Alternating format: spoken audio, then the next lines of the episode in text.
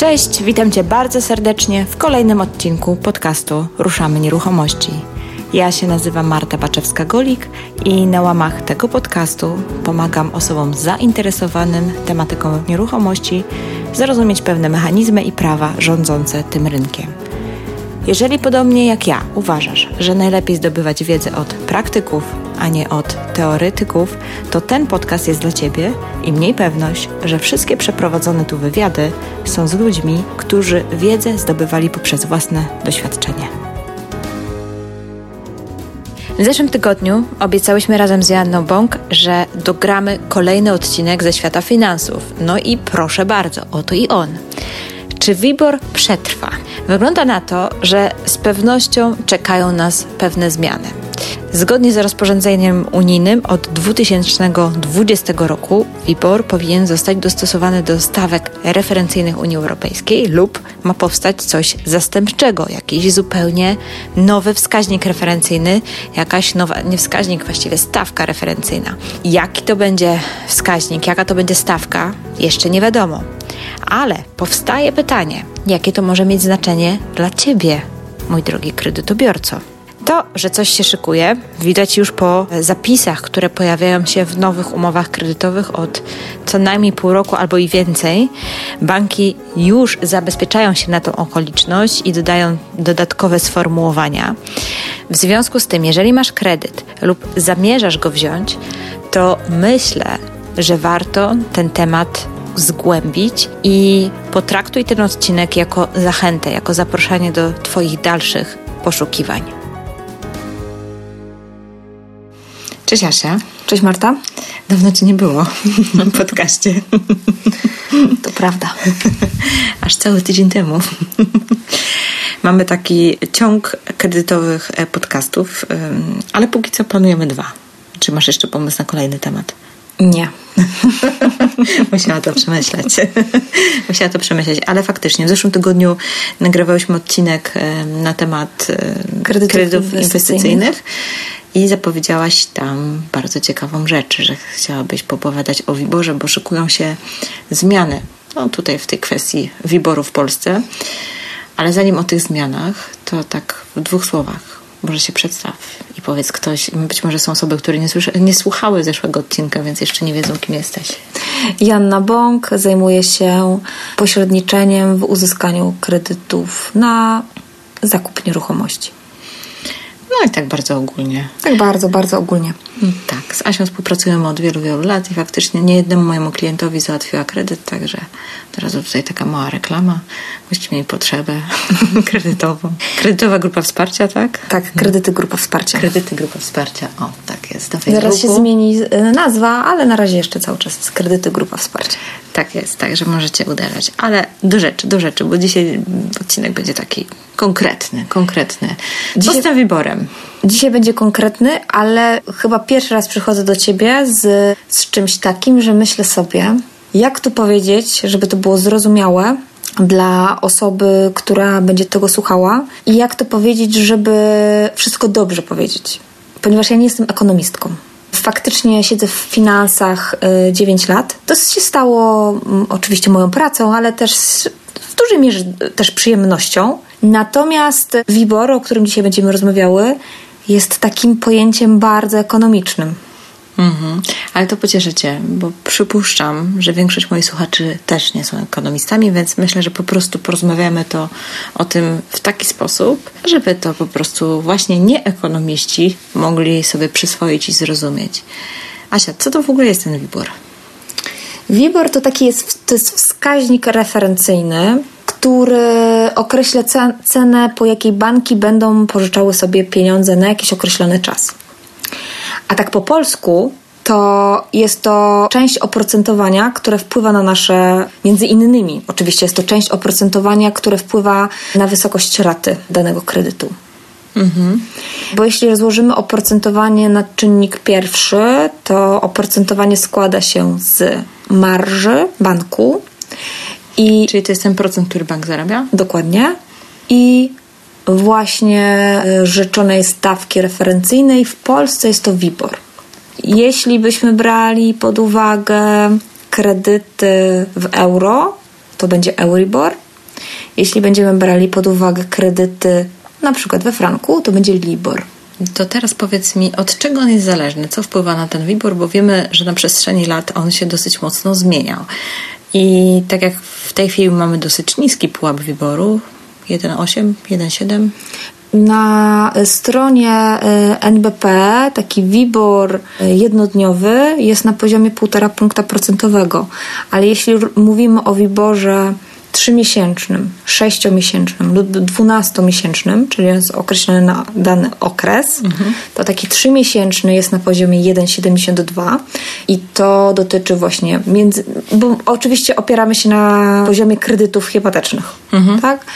To przy kredytach hipotecznych które są na dzień dzisiejszy zawierane te umowy, to będzie wskazany WIBOR zazwyczaj 3-miesięczny, 1,72 i jeśli ktoś zawiera kredyt tak. ING na przykład, to będzie 1,79, bo tam jest 6-miesięczny, a jeśli ktoś ma kredyt na przykład w Getty Noble Banku sprzed 5-7 lat, to tam był WIBOR, jest cały czas um, ustalony jako WIBOR 12-miesięczny i on jest powyżej 1,8. Mhm. Tak, natomiast pamiętam czasy, gdzie ten WIBOR y, sięgał nawet ponad 5 punktów procentowych, 5-6 pamiętam taki czas, e, więc widzimy, że on znacznie spadł. E, czy ty jesteś tak, wiesz, tak po chłopsku w stanie wytłumaczyć, od czego to jest zależne. Dlaczego jak człowiek bierze e, kredyt i ma napisane, że jest to rata równa, to wcale nie oznacza, że to będzie równa. Właśnie to wynika z tego, że się zmienia ten WIBOR. Czy jesteś w stanie tutaj e, wytłumaczyć mniej więcej, jak to działa, od czego to jest zależne? E, wiesz co, może jeszcze powiem, kto ustala WIBOR i kto, jakby kto administruje WIBORem i kto ogłasza to, mhm. bo to też jest istotne. Jasne. To się zmieniło, ponieważ od, o ile dobrze pamiętam, od 2017 roku administratorem wyboru jest GPW Benchmark, czyli gale, y, galeria, giełda papierów wartościowych. Benchmark, jak to było fajnie, że to była galeria. On jest ogłoszony przez y, Narodowy Bank Polski, czyli NBP. WIBOR jest y, ogłaszany od 1991 roku. I faktycznie y, gdzieś od 2004 roku ten WIBOR jest na tyle zjadliwy, tak? czyli jest na tyle niski, że jakby możliwość udzielania kredytów. Otworzyły się kredyty. Tak, otworzyły się wtedy kredyty mieszkaniowe. Jakby pozwoliło to takiemu zwykłemu zjadaczowi chleba móc zakupić sobie nieruchomość na kredyt. kredyt.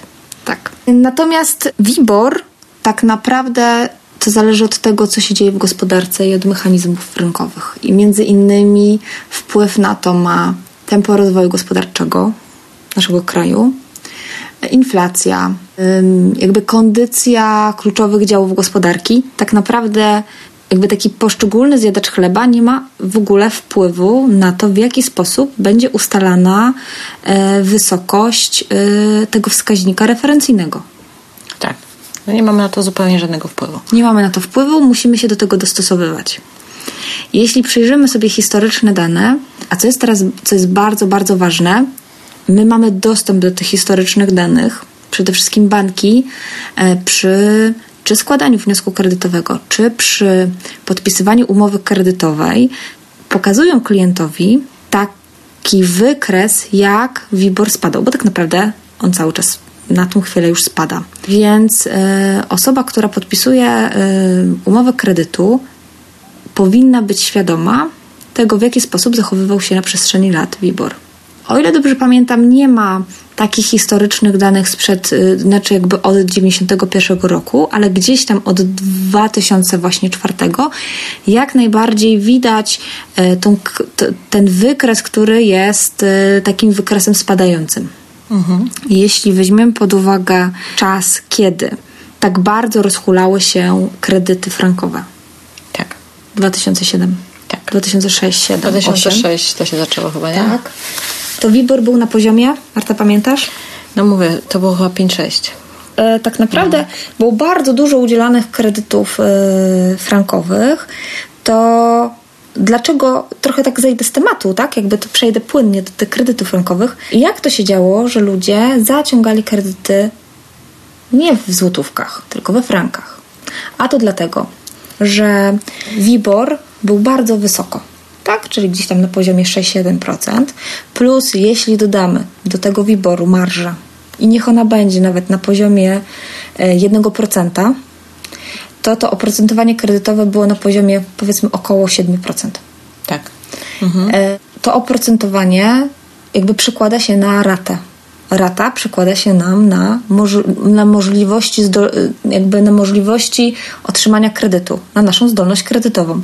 Co oznaczało, że taki przykładowy Kowalski przychodził do banku A i dowiadywał się, że nie ma totalnie zdolności kredytowej, ponieważ rata będzie wynosiła powiedzmy półtora tysiąca złotych, przy małym, na pewno to było przy bardzo niskim kredycie, ale powiedzmy półtora tysiąca złotych, a go na to nie będzie stać. Ale inny wskaźnik referencyjny, Libor, Libor który odpowiada za franki, mhm.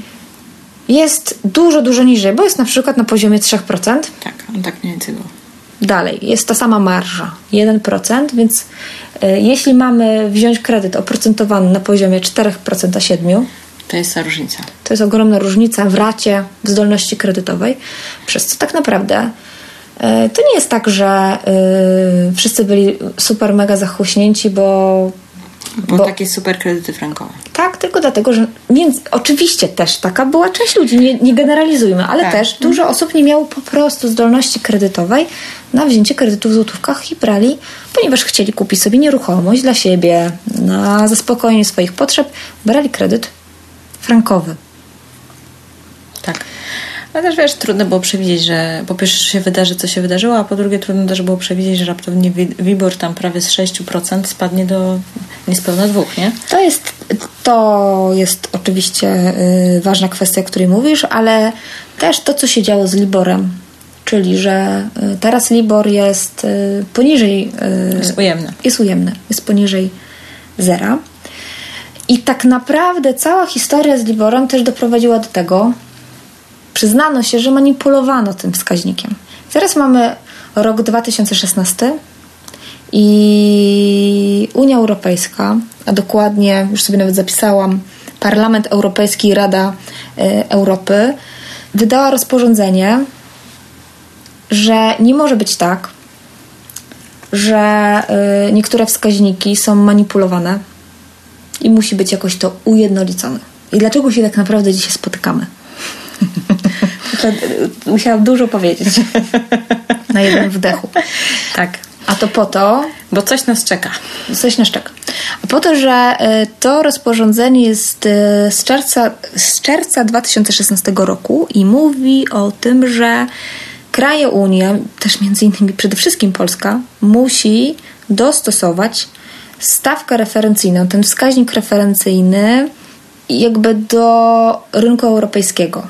Co to oznacza dla nas? To oznacza, że tak naprawdę Polska ma czas do końca 2019 roku, a dokładnie ten administrator wyboru, do określenia albo nowego wskaźnika, albo do dostosowania wyboru do tego, co jest w Unii.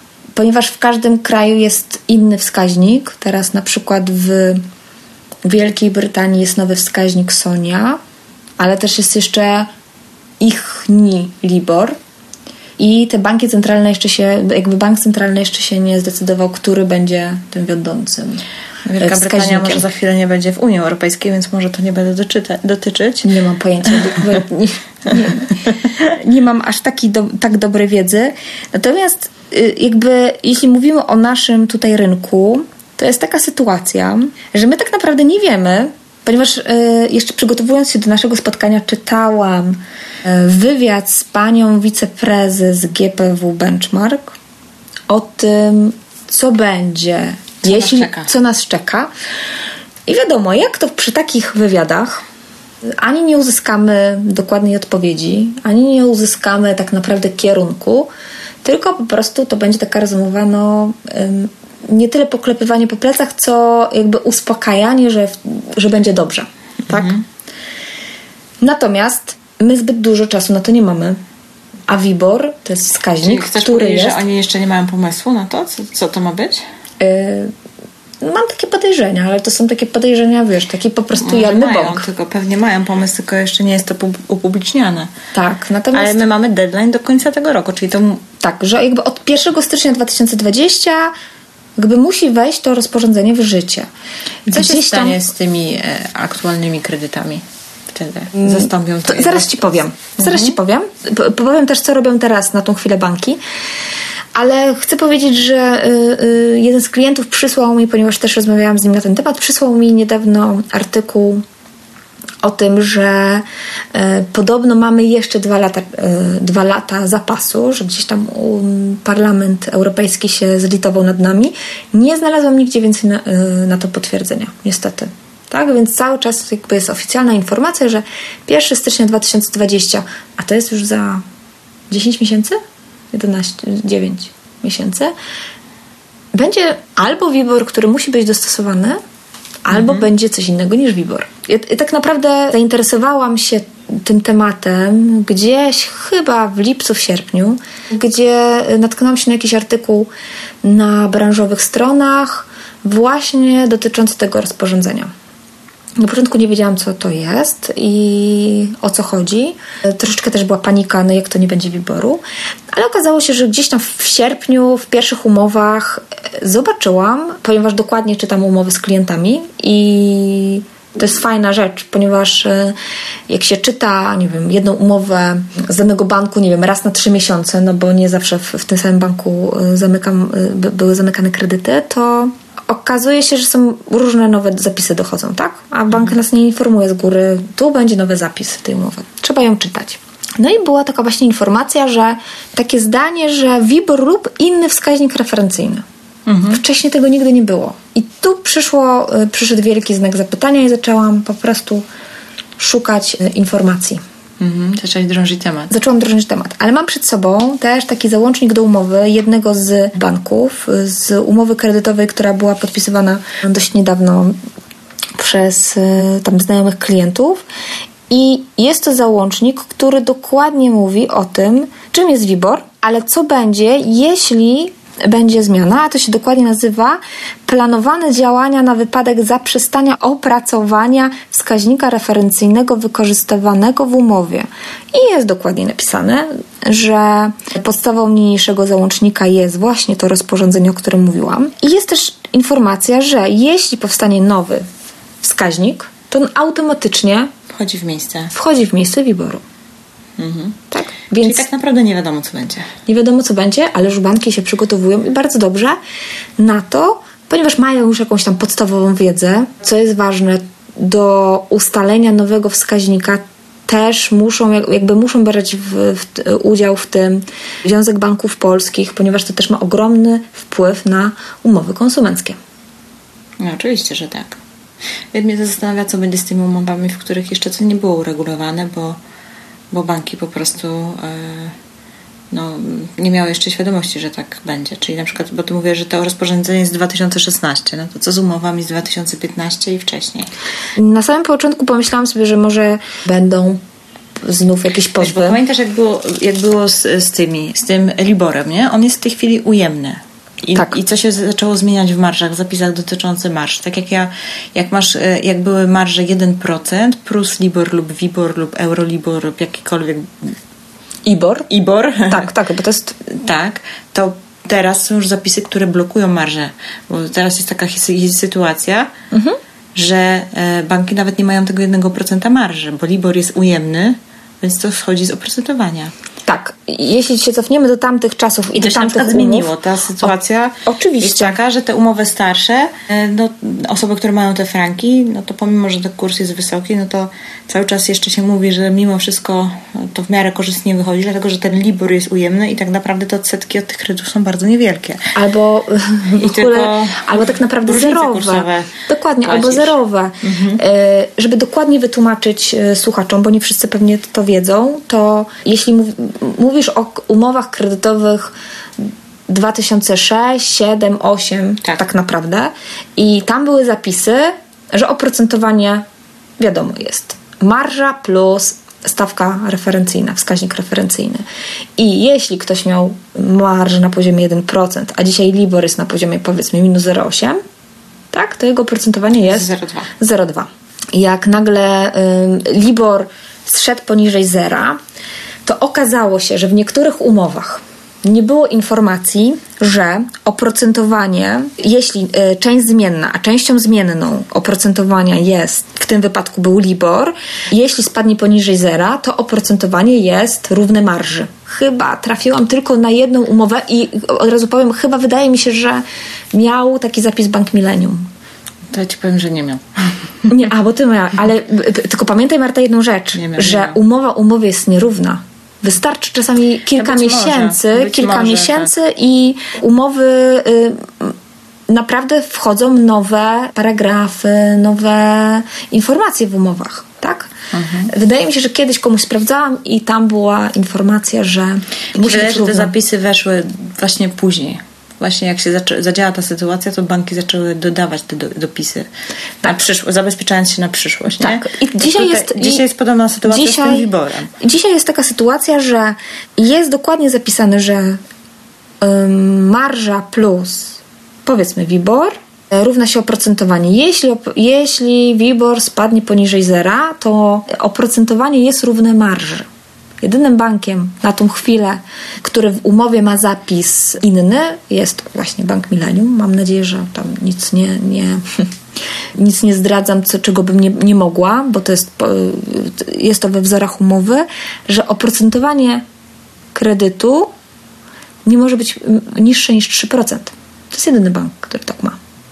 Tak, i to na dzień Nieźle, dzisiejszy. nieźle się zabezpieczyli. Tak, czyli jeśli masz marżę na poziomie powiedzmy 2%, tak mniej więcej średnio można otrzymać taką marżę. Jeśli masz oprocentowanie na poziomie 2%, WIBOR spadnie poniżej 1, to i tak, Tak, twoje patrzę. oprocentowanie będzie 3%. Jest tam taki zapis. No nic, ciekawa jestem, co będzie właśnie z tymi umowami kredytowymi, które były podpisywane przed tym rozporządzeniem. No bo em, czy to będzie jednoznaczne? Pewnie będą jakieś aneksy podpisywać banki, no bo ja nie wiem, jak oni to rozwiążą. Jak na Jakąś przykład, odgórną regulacją, być może, jakąś odgórną regulacją, a jeśli nie, no to co po niektórzy będą po prostu pewnie pukać i składać pozwy. Tak jak Frankowicze. A o Frankowiczach będzie jeszcze. Znalazłam fajnego specjalisty, który, który specjalizuje się w wytykaniu błędów z lat 2006-2008 banku przy, e, przy kredytach frankowych i no, już jesteśmy wstępnie umówieni na wywiad, także myślę, że będzie fajny. A propos tych umów, to to jest ciekawe, że jak weźmie się umowa kredytu z 2006 roku, to ta umowa ma 4-6 stron. Jak bierzemy umowę kredytu z 2018-19, 12 stron to jest minimum. To jest totalne minimum i to tak naprawdę to jest bardzo krótka umowa. Zazwyczaj jest to 18-22 strony, ponieważ bank zabezpiecza się przed każdą już ewentualnością. Jesteśmy Polakami, już po prostu wszystkie możliwe, jak coś jest niezapisane, to i tak wykorzystamy. No tak, ale myślę, że to wszędzie tak działa, niestety. Co jeszcze można ważnego powiedzieć o Wiborze? To to, że jest to, to chyba jest najważniejsza informacja, że to jest czynnik zmienny oprocentowania. Nie mamy my na niego wpływu. To się wszystko dzieje, mamy jako masa, tak? Jako no system gospodarczy, ale nie jako jednostka. Dokładnie. To się dzieje trochę poza nami. I zaciągając kredyt hipoteczny, i o tym też mówi rekomendacja S, i o tym mówi też ustawa o kredycie hipotecznym, i o tym, że banki muszą informować i uświadamiać klientów, że zaciągają kredyt o zmiennym oprocentowaniu. Jest kilka banków, które ma stałe, ale też za chwilkę o tym powiem, ale przede wszystkim o zmiennym oprocentowaniu, przez co jest ryzyko, że ta rata będzie wzrastała. Może też maleć, czego wszystkim życzę, ale może wzrastać. I podpisując umowę kredytową, to oprócz tego, że widzisz historyczny wykres, jak się wahał WIBOR, to też dostajesz informację o przeliczeniach, co by było, gdyby WIBOR był na poziomie 3%, 5%, 8% i chyba nawet 10%. Jak będzie wyglądała Twoja rata. Po to, żeby uświadomić klientów, że no i tego zabrakło. Tego zabrakło w tych latach mhm. 2006-2008, bo myślę, że wiele osób by się no, tak ocknęło. Co prawda tutaj tylko tak naprawdę roboty nie zrobiły Libor czy Wibor, tylko tu roboty robi, robił ryzyko kurs. kursowe. Dokładnie. Ryzyko kursowe, ale to na tej samej zasadzie powinno być, nie? Nikt nie uświadamiał klientów. Przynajmniej ja nie znam banku, który by dawał symulacje na różne warianty kursowe. Jak będzie wyglądać rata. Myślę, że nie było takiej praktyki. Nie wiem, nie. Y, y, jeżeli... Znaczy, być może byli jacyś tacy doradcy jednostkowi, którzy jakby czuli, rozumieli powagę. Ludzie, którzy od wielu lat siedzieli w bankowości mhm. i po prostu mieli tą misję takiego uświadamiania, ale myślę, że to nie była taka standardowa praktyka. Przynajmniej ale też było tak, że jest... tych kredytów robiło się tak dużo, no. że to było po prostu do takich pośrednictw kredytowych, do tych firm pośrednictwa kredytowego, które wtedy powstawały, to po prostu trzeba było się umawiać i czekać na przykład tydzień, żeby umówić się ze specjalistą. Tam się drzwi no nie właśnie, zamykały. To było Eldorado. To było Eldorado, dokładnie. W tych wszystkich e, Openach, Expanderach i innych, e, że tak powiem, firmach. No. Myślę, że to jest problem dosyć mocno złożony na wielu e, czynnikach. Nie? I tak biorąc pod uwagę już tak abstrahując od od tych czynników tam ekonomicznych i tego, czy ktoś przewidział, nie przewidział, to ten czynnik psychologiczny też jest bardzo ważny. I naprawdę, jak ja teraz studiuję tą psychologię biznesu i jak robimy te wszystkie awersje do ryzyka i inne rzeczy, to, to po prostu nie ma szans, żeby ludzie byli w stanie tak jakby zrozumieć i przewidzieć, że na przykład, nie wiem, za parę lat to się zmieni większość. Jeżeli ktoś nie miał takiej odpowiedniej edukacji mhm. i wiedzy wyspecjalizowanej w tym kierunku, to to bardzo łatwo było podjąć decyzję na, na podstawie, no bo podejmujesz decyzję tu i teraz, nie? Tak, tu i teraz jest dobra, tu, jest, tu i teraz jest dobrze wziąć ten kredyt, a nie inny. To prawda, a y, jakby zobowiązujemy się, bo zazwyczaj mimo no. wszystko 80% kredytów jest branych na 30 lat. Albo jakby na maksymalny okres, na który klient tak. może wziąć, tak, nie wiem, 27, 6, w zależności w jakim wieku bierze ten kredyt. Ja myślę, że w ogóle e, chyba tych kredytów, e, które się ciekawe, czy są w ogóle takie statystyki e, brane na okres krótszy niż 20 lat, to pewnie tylko inwestycyjne. Nie, zdarzają się. Zdarzają się, zdarzają się jak najbardziej zdarzają się. No ale to są ale to oczywiście mniejsze. po prostu z raty, nie? Że ona po prostu jest po prostu bardzo wysoka później. Tak, ale to właśnie, y, jeśli to jest dość niski y, kredyt, no to wzięcie kredytu na 15 lat, 10 tak, nie, nie stanowi ludzie, problemu. mają duży wkład własny. Dokładnie. Dokładnie. Mhm. Więc spokojnie zdarzają się takie sytuacje, że y, ludzie Ale biorą. Na pewno nie małżeństwa, które kupują swoje pierwsze mieszkanie. No to nie, to I nie. Ledwie rzadko. Mają, ledwie mają te 10%. To rzadko. To, to rzadko. Ostatnio y, gdzieś mignął mi. Y, może to, to, to, nie była reklama, ale jakiś tam taki bardzo, bardzo krótki filmik Marcina Osmana, który mówił, że y, tak naprawdę wzięcie kredytu hipotecznego, to co mówi oczywiście cał, całkowitą prawdę, tak? Y, wzięcie kredytu hipotecznego jest tak naprawdę y, bierzemy kredyt, na który nas totalnie nie stać, tak? Ponieważ y, kupujemy coś, na co nas nie stać jeśli bierzemy na to kredyt. No ale my nie mamy takiego postrzegania. Chcemy mieć nieruchomość. E, zazwyczaj jakby dużym procentem e, osób, które się tam jakby do nas zgłaszają, czy na konsultacje, czy żeby po prostu im pomóc w uzyskaniu, wyliczeniu zdolności, to są osoby, które nie kupują nieruchomości pod wynajem, tak, jakby inwestycyjnie, tylko do siebie. Tak, żeby móc zamieszkać, żeby móc e, spełnić te, jak to mówię, potrzeby mieszkaniowe. Oczywiście, że tak. Jeszcze mam tak, wracając jeszcze do naszego tego tematu um, głównego, czyli co się stanie z Wiborem. A na jakim poziomie jest teraz e, Eurolibor? Orientujesz się? Poniżej zera. Eurolibor, tak? Poniżej? Tak, tak. Ciekawe. Ale poczekaj, sprawdzę. Sprawdźmy, sprawdźmy. Sprawdzę dokładnie.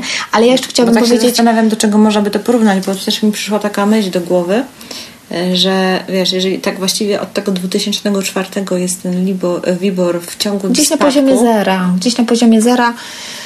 To może pytanie, być to czy on jeszcze będzie spadać, czy, czy jednak jest szansa, że zacznie rosnąć. Bo wiesz, w ekonomii się mówi, że wszystko co spada, to zaczyna rosnąć i na odwrót. Wszystko co rośnie, zacznie spadać.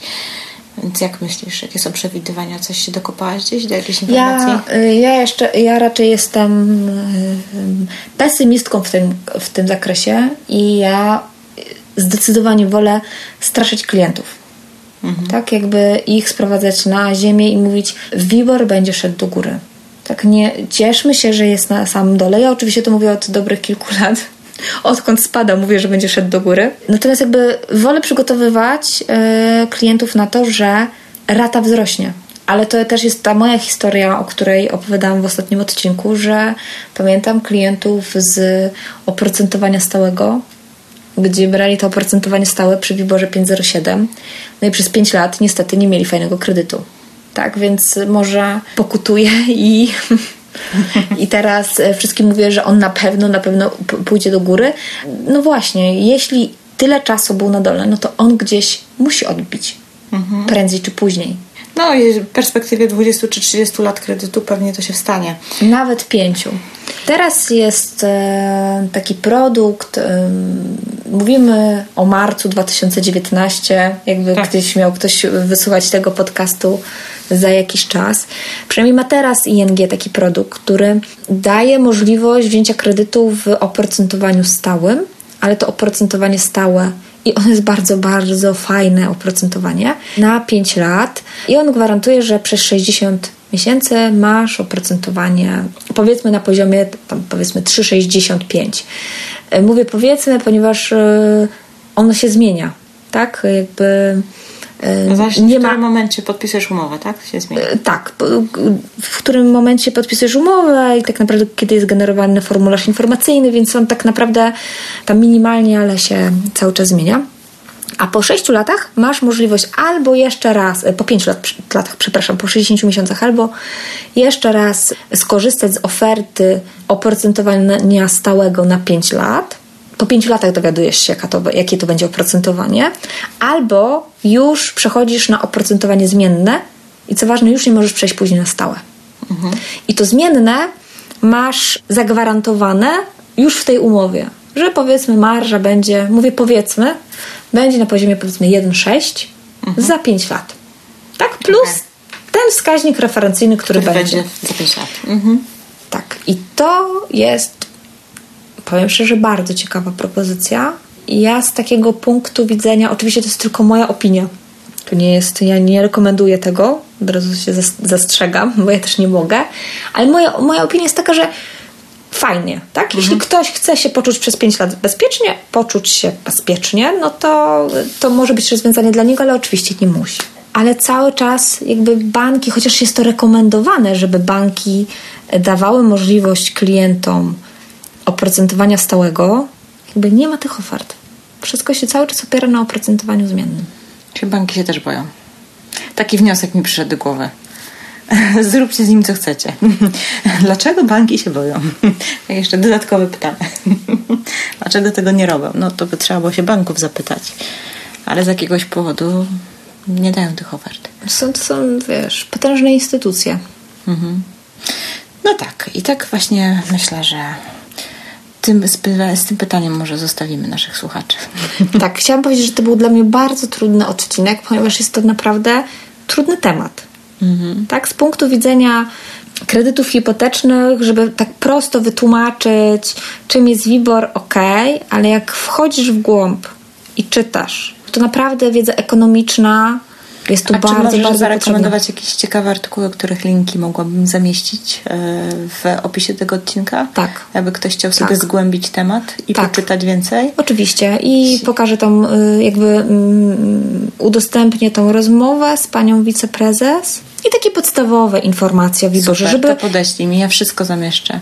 Super. Że jak komuś będzie, ktoś będzie czuć niedosyt, to sobie może doczytać. Jak najbardziej i, i proponuję Wam nie tylko wchodzenie na stronę money.pl czy bankier.pl, ale jakby przeszukiwanie internetu na drugiej, trzeciej stronie, jeszcze Google'a, e, bo tam naprawdę jest możliwość przeczytania w takich zupełnie nadbranżowych portalach szczegółowych informacji one nie są łatwe do przyswojenia, trzeba kilka razy poczytać. Jak czegoś się nie wie, to doszukać, ale naprawdę, naprawdę rekomenduję, żeby zgłębiać tą wiedzę. Jeśli ktoś bierze kredyt, to niech wie, z czego on się składa. Tak. Tak, to jest naprawdę ważne, żeby nie było takiej sytuacji, że podpisujecie umowę kredytową i tak naprawdę nie wiecie, co podpisujecie. Ja y, jestem za tym, żeby zawsze czytać z klientami umowy kredytowe, tłumaczyć, co jest w danym paragrafie, co jest ważne. pomysł na kolejny podcast, może kiedyś nagramy za jakiś czas. Kto to jest dobry pośrednik? Znaczy, do, to, kim jest dobry doradca kredytowy, kogo szukać? I jednym z wytycznych jest właśnie to, że czy, czy pośrednik czyta z Tobą umowę kredytową. Tak, I, to jest... I, to jest bardzo, bardzo ważne, tak, żeby wskazać w danych paragrafach, co jest ważne. Oczywiście czasami są e, informacje e, powtarzane w umowach kredytowych cały czas, y, jakby przez trzy paragrafy, cztery ustępy masz praktycznie to samo, ale to oznacza, że dla banku jest to tak ważne, że on będzie sprawdzał cię pod tym kątem. No więc życzę wszystkim, żeby zagłębiali wiedzę, dowiadywali się, byli ciekawi, tak? Nie bierzmy tylko to, że dają mi kredyt, dają mi kasę, kupuję i już mnie nic nie interesuje. Bądźmy ciekawi, bądźmy Yy, drążmy temat. Drążmy temat. To, mhm. nie, to, to, to nie znaczy, że jesteśmy mega upierdliwi, tylko po prostu pożyczamy dużo pieniędzy zazwyczaj na długi okres i jeszcze dodatkowo dużo za to płacimy. To chociaż bądźmy świadomi, za co płacimy. Bardzo Ci dziękuję za tą puentę. Dziękuję Marta. Taki bym powiedziała, że moralizujący nam troszkę wyszedł ten odcinek, to zakończenie, ale myślę, że to jest faktycznie E, ważny temat i nie wiem na ile, na ile jest on poruszony gdzieś w innych e, mediach, albo tak jak mówisz, często są to artykuły, które są trudno przyswajalne dla, takiego, dla takiej osoby, która zupełnie jest z innego świata, z innej branży i zupełnie się no, po prostu nie interesuje się tym. Więc myślę, że to jest dobrze tak czasem opowiedzieć o takich wydawałoby się nudnych rzeczach jak stawka referencyjna ale kurczę, ta stawka decyduje o, o naszym losie przez ładnych ileś tam lat. Kilkanaście, kilkadziesiąt. Dokładnie. Dlatego słuchajcie, zamieścimy więcej informacji, więcej linków. Niech to będzie zachęta do drążenia tematu. Myślę, że później możecie pójść jeszcze głębiej. Także nasuną Wam się jakieś ciekawe wnioski, to koniecznie piszcie pod odcinkiem, który zamieszczę z Asią na Facebooku czy pod, na blogu naszym. Będziemy odpowiadać. Dzięki wielkie, Asia. Dzięki wielkie. Zdecydowanie się z Asią zgadzam. Jeżeli wiążesz się z bankiem na kilkanaście czy kilkadziesiąt lat, to warto wiedzieć, z czego składa się oprocentowanie i jaki będzie miał wpływ na Twoją ratę. Zdecydowanie warto się zainteresować tym tematem. Mam nadzieję, że ten odcinek zachęci Cię do dalszych poszukiwań. Zgodnie z tym, co powiedziałyśmy, na stronie podcastu, w notatkach do odcinka numer 89 zamieszczę linki do artykułów, które być może pomogą Ci dalej zgłębiać temat. Wszystko znajdziesz na stronie www.ruszamynieruchomości.pl. Przy okazji chcę bardzo podziękować Renacie, która zareagowała na moją ostatnią prośbę i zostawiła mi przemiłą opinię w serwisie iTunes. Renata napisała konkretny podcast, ciekawe tematy, słucham regularnie. Renata, bardzo się cieszę, że jesteś moją stałą słuchaczką. Może chcesz wziąć udział w moim jubileuszowym odcinku setnym odcinku podcastu Ruszamy Nieruchomości. Będzie mi bardzo miło, jeżeli zechcesz udzielić mi krótkiego wywiadu.